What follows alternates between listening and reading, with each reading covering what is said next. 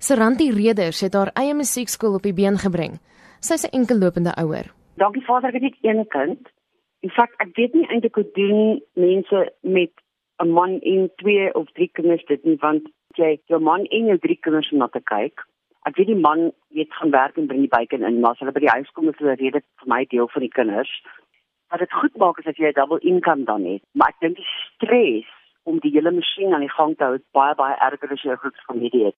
Sy word bygestaan deur haar huishulp. Ek hoef nie huiswerk te doen nie, sy kan dit doen en sy kan kook. So dit gee my die rol van broodwinner, so ek kan werk. Die pluspunt is dat ek van die huis af werk.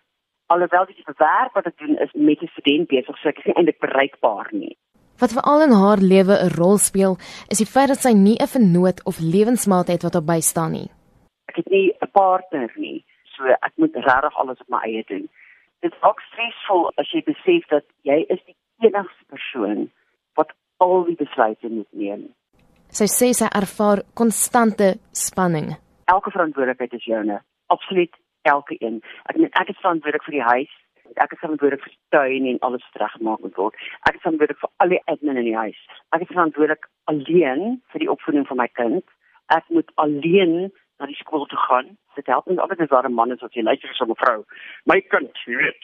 En nou moet ek moet dit alleen doen. So ek kan nog geleer om my stem dieper te maak. Maar daai goed kom alles op een ouer af. Mense dink nie daaraan. Jy weet, ek dink kinders is gemaak vir twee ouers, nie vir een nie. Volgens haar is 'n goeie ondersteuningsnetwerk baie belangrik. Ek weet nie doen hulle dit nie, ek sweer. Alles kan iets anders maak. Dit is regtig 'n baie moeilike ding om 'n enkelmaat te wees. Ek sou mense afraai ek sê jy moet baie moeite of jy met 'n goeie support system hê soos byvoorbeeld jy met 'n ouma en 'n oupa wat in die hoek bly of oom en 'n tannie of 'n boetie of 'n sussie wat ek ook nie het nie. Renate van Onslin is ook enkellopend. Sy werk by een van die groot finansiële maatskappye in die land waar sy seker maak dat die onderneming voldoen aan die wettige vereistes waaronder dit funksioneer. Ons staan so kwart 5:30 op. Sy is nie 'n vreeslike oggendpersoon nie. Ehm um, maar dan ek al aflaai by die skool dat sy nou met tyd is vir konsert oefening. Dan gaan ek kantoor toe. Uh, gelukkig die instansie waar ek werk, hulle is oulik in dat hulle fleksibiliteit toelaat en hulle laat ons ook toe om van tyd tot tyd van die huis af te werk. Sy het intussen besluit om weer te begin studeer. Sy doen yoga twee keer 'n week, gaan stap met haar honde en maak elke aand kos. Sy besef dat baie vroue na posisie finansiëel sukkel en is daarom dankbaar dat sy hulp kan bekostig. Byvoorbeeld my huishulp, sy is nou al so lank by my sies wat ek my my kind het, sy is al ander ma. As ek wil uitgaan in die week, het ek 'n baba oppasser. Ek sê altyd vir Martha, jy is my minister of home affairs.